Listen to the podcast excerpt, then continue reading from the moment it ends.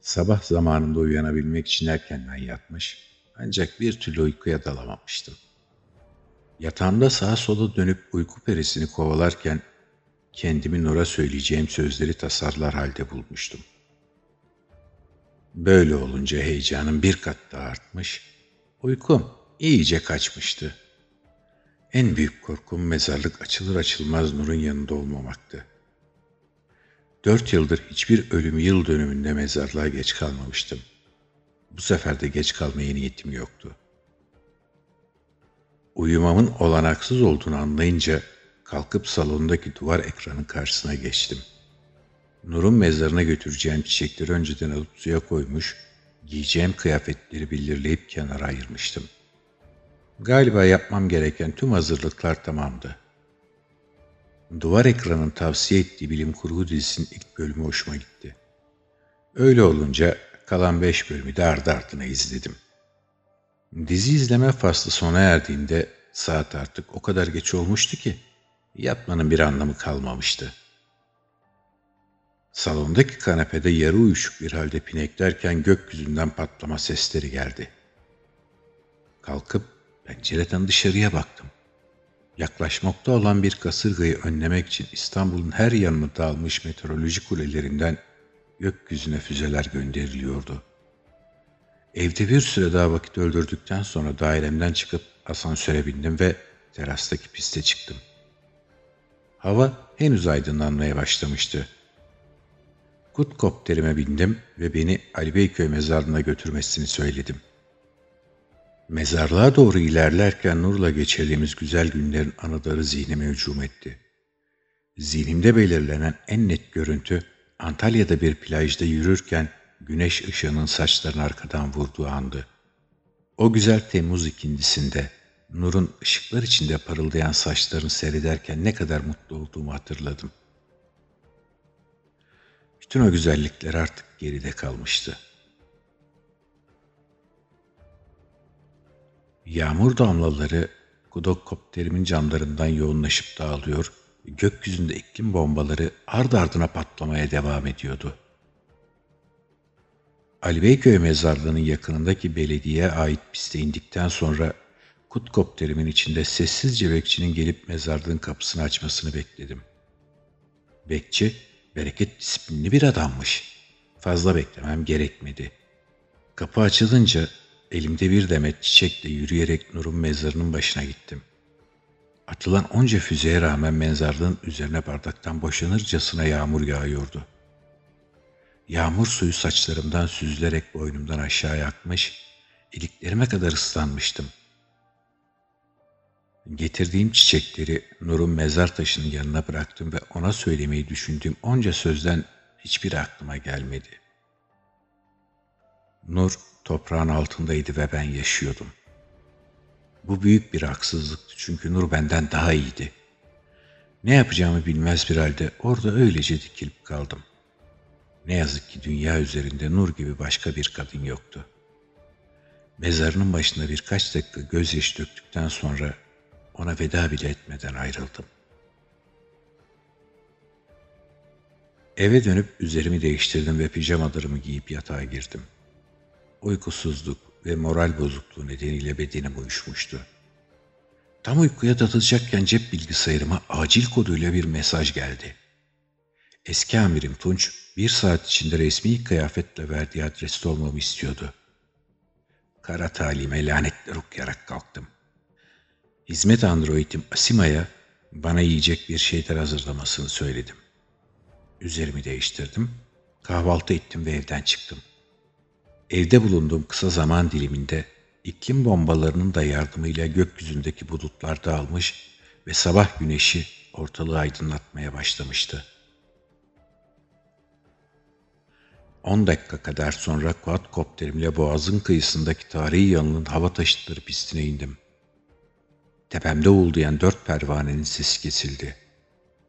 Quadcopterimin kapısı kendiliğinden açıldı. İndim. Uzun süredir giymediğim takım elbiseler içinde vücudum hiç rahat değildi. Galiba uzunca bir tatilin sonuna gelmiştim. Gerek çağırırken takındıkları ketum tavır, gerekse buluşma yerinin niteliği işin ciddi olduğunu gösteriyordu.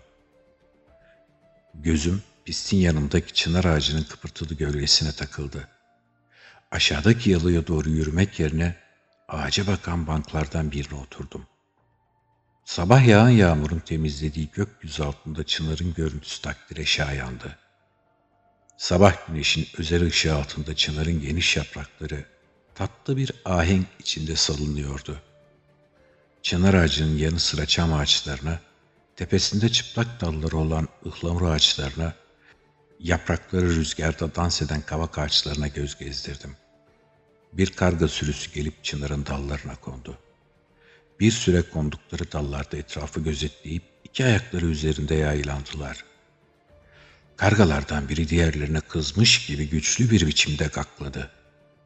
Sabahın sessizliği içinde yankılanan bu sesi duyan diğer kargalar bir ezginin mest ettiği dervişler gibi kuzguni, siyah kargaya bakarak kımıldamadan durdular. İri karga, diğer kargaların saygı duruş sırasında güçlü sesiyle yeniden gakladı. Sonra hep birlikte sanki hiçbir şey olmamış gibi havalanıp ağaçların ardında gözden kayboldular. Annem bu olayı görseydi başıma gelecek büyük bir uğursuzluğun işareti olarak yorumlardı. Cep bilgisayarın buluşma saatine üç dakika kaldığını bildirince kalktım. Üzerinde iri yapraklı nilüferler içinde parlak kırmızı balıklar olan süs havuzunun yanından geçip yalanın arka kapısına ulaştım. Açık kapıdan içeriye girer girmez daha önce sadece filmlerde gördüğüm son model bir android ''Hoş geldiniz Ruhi Bey, size yukarıya kadar eşlik edeyim.'' dedi. ''Görev hakkında ne biliyorsun?'' diye sordum. ''Benim görevim sizi teşhis edip yukarıya götürmek.'' dedi. Mermer merdivenleri tırmanırken önümdeki androide ''Beni nasıl teşhis ettin?'' diye sordum. Yüz tanıma algoritmasına göre bellekteki kayıtlara yüzde 98 uyum. Boy 186 santim. Kilo 85. Gözler açık kahverengi. Hafif kırlaşmış siyah saçlar. 40-41 yaşında. Anlaşıldı diyerek sözünü kestim.'' Android'in beni kapısına bıraktığı yüksek tavanlı odada eski mesai arkadaşım Tunç beni gülümseyerek karşıladı. Yanında düz sarı saçları arkadan bağlanmış, uzun boylu, ciddi görünümlü bir kadın oturuyordu. Tunç beklediğimin ötesinde samimiyet içeren bir tonla ''Hoş geldin eski dostum'' dedi. Anlaşılan aradan geçen bunca zaman ardından geçmişte yaşadığımız tatsızlık ona önemsiz görünmeye başlamıştı. İki ay kadar önce iç güvenlikten sorumlu bakan yardımcısı olarak atandığını hatırlayarak ''Hoş bulduk. Bu ne büyük şeref.'' dedim. ''Seni teşkilatımızın en parlak genç araştırmacılarından biri olan Peri ile tanıştırayım.'' dedi Tunç. Büyük ahşap masanın çevresinden dolaşıp Peri'nin yanına yaklaştım ve bana kuş gibi hafif gelen elini sıktım. Tunç, yalının iskelesine yaklaşan beyaz yatı göstererek ''Konuklarımız geliyor.'' dedi. Aşağıdaki görevliler koşturarak yata yaklaştı. Anglo-Saksan kökenli olduğunu tahmin ettiğim sarışın bir adam, geniş yüzlü, alımlı bir Çinli kadın ve İspanyol, ya da Portekiz'de olabileceğini düşündüğüm bir başka adam yattan indiler. Yukarı çıkmalarını beklerken Tunç'a, ''Yabancı dostlarımız gelmeden önce görevim hakkında bilgi alabilir miyim?'' diye sordum. Tunç işaret parmağıyla bir dakika işaret yaparak beklememi işaret etti. Önündeki bilgisayara uzun uzun bir şeyler yazdı. Bana cevap vermek üzere hareketlendiği sırada yabancı dostlarımız kapıdan içeriye girdiler.'' Kendilerine ayrılmış koltuklara oturdular. Selamlaştık. Herkes hizmet android tarafından dağıtılan çeviri kulaklıklarını taktı. Böylece görüşme sırasında ana dilimizde konuşmanın konforunu yaşayacaktık. Odadaki gergin törensel havayı dağıtmak üzere Acaba sizlerle aynı odada bulunma sebebim rüya sanatçısı Selim Özben'in bir ay aşkın süredir kayıp olması olabilir mi? diye sordum. Tunç ve Peri şaşkın ifadelerle birbirlerine baktılar. Konuklar şaşırmış görünmüyorlardı. Anlaşılan o ki görev hakkında daha önce bilgilendirilmiş olduğumu sanıyorlardı. Böylesi önemli bir görevi daha önce üstlenmiş olan arkadaşlarım olmuştur. Ancak anlaşılan başarıya ulaşamamışlar. Herhalde algoritmanın çözemediği zor bir olay söz konusu, dedim. Tunç, başkalarının becerilerinden kendine başarı payı çıkarmayı bilen yönetici içgüdüsüyle e, Görüyorsunuz ya beyler bayanlar, Ruhi kendisine verilmemiş bir görev hakkında isabetli öngörüler yapabilen bir arkadaşımız, dedi.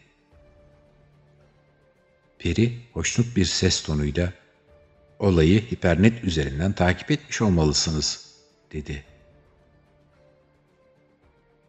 Kısmen hipernetten Kısmen Selim Özben hayranı dostlarımın yakınmalarından takip ettim diye cevap verdim.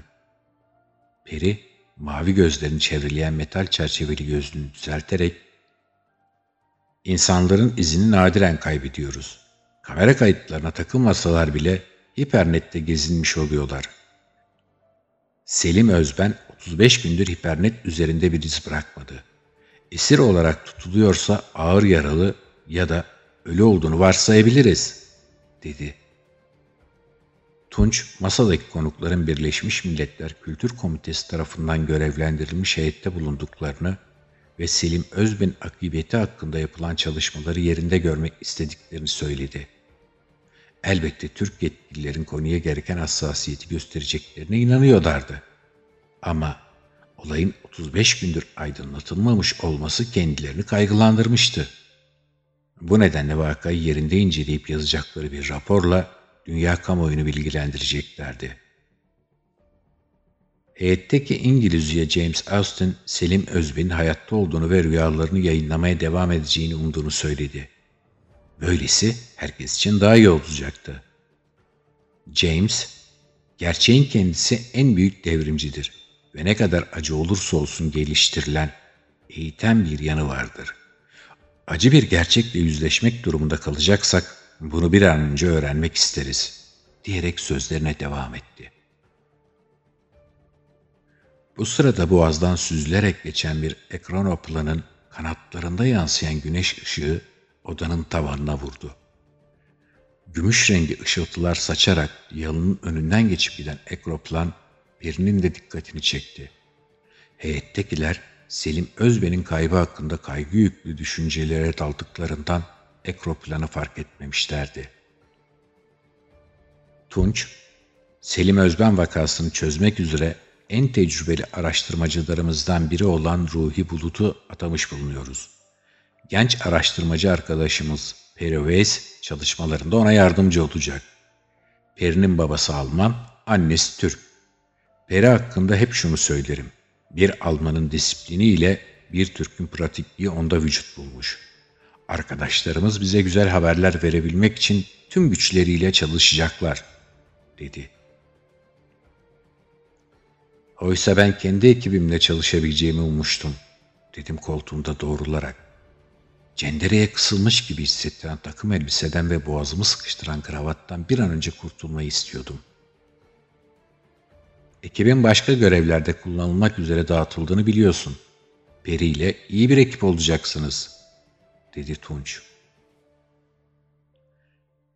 Toplantının başından bu yana konuşulanları can kulağıyla dinleyen Kuyan Chen isimli Çinli kadın temsilci, Selim Özben vakasının kendisi için çok önemli olduğunu, rüyalarına ilişkin eski kayıtları izledikçe duygulandığını ve yenilerinin yayınlanmayacağını düşündükçe hüzünlendiğini hipernet üzerinde rüya yayını yapan yüzlerce sanatçı olduğu halde hiçbirinin rüyalarının Selim Özben'inkiler kadar sahici, heyecan verici, insanı can evinden vuran cinsten olmadığını söyledi. Yaşanan kısa duraksamadan yararlanan hizmet androidi masanın çevresini dolaşıp içecek siparişleri not etti. Masadakiler herkes eni konu hüzünlenmişti.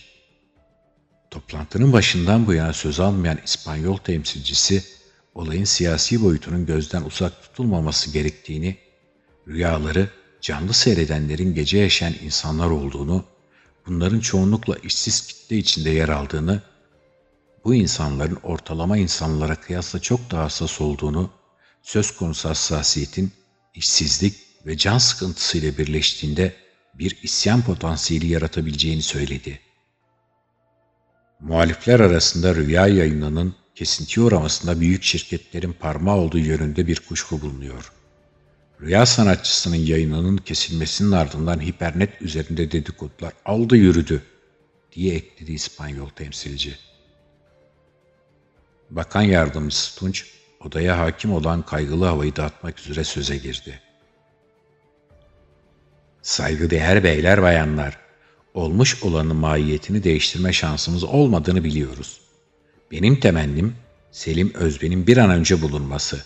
Eğer kendisi yaşıyor ve eski düzenine dönme olana elde edilebilirse gecelerimizi rüyalarıyla renklendirmeye devam edeceğinden şüphe duymuyorum. Zira kendisine dünya çapında şöhret kazandıran başlıca özelliği rüyalarında hiçbir aksama olmamasıydı. Çok disiplinli bir insandı. Hiçbir gece bir rüyaya yeterince hazırlanmadan yatmadığı biliniyor. Rüya konusundaki tanrı vergisi yeteneğini unutulmaz bir performansa dönüştürüyordu. O kaybolduğu güne kadar görevini çok iyi yaptı. Şimdi sıra bizde. Söylediğim gibi olayı aydınlatmak için hükümetimiz tüm imkanlarını seferber etmiş durumda. Sizlerin de uluslararası işbirliği gereken noktalarda vereceğiniz destek konusunda kuşkum yok. Bugünden itibaren araştırma faaliyetimizde yeni bir aşamaya ulaşmış oluyoruz. Sizlerden ricam sonuç konusunda kaygı duymamanız. Karşı karşıya bulunduğumuz vakanın sıra dışı olduğunu yatsımıyorum. Şimdiye kadar olayı aydınlatamamış olmamız buna işaret ediyor. Ama artık alarm durumuna geçtik. Her türlü yetki ve imkanla donatılmış olarak çok özel bir araştırma yürüteceğiz. Ne diyelim, başta Ruhi Bey ve Peri Hanım olmak üzere hepimize kolay gelsin. Tunç'un söylevi odadan çıkıp rahat giysiler giymek konusundaki sabırsızlığımı arttırmıştı. Neyse ki artık toplantının sonuna gelmek üzereydik. Karşılıklı saygı sözleri ve iyi temennilerle yabancı konukları uğurladıktan sonra Tunç sonuçtan memnun bir ifadeyle ''İyi iş çıkardık arkadaşlar. Öğlen yemeğini bakanlığın Zeppelin'inde yiyelim. Hem detayları konuşmuş oluruz.'' dedi.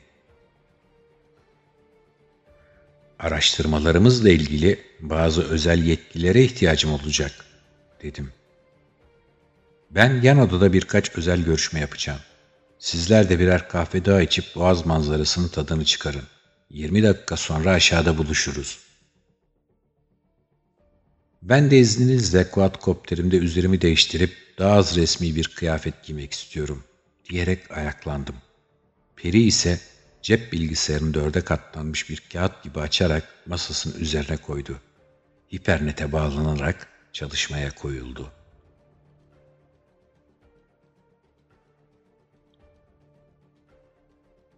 Yazar Murat Beşiroğlu'nun Rüya Sanatçısı isimli kitabından bir ön okuma gerçekleştirdim. Umarım keyif almışsınızdır. Kitap Ocak 2020 yılında Perseus yayın evinden çıktı. Tüm kitap satış noktalarında. Keyifli okumalar.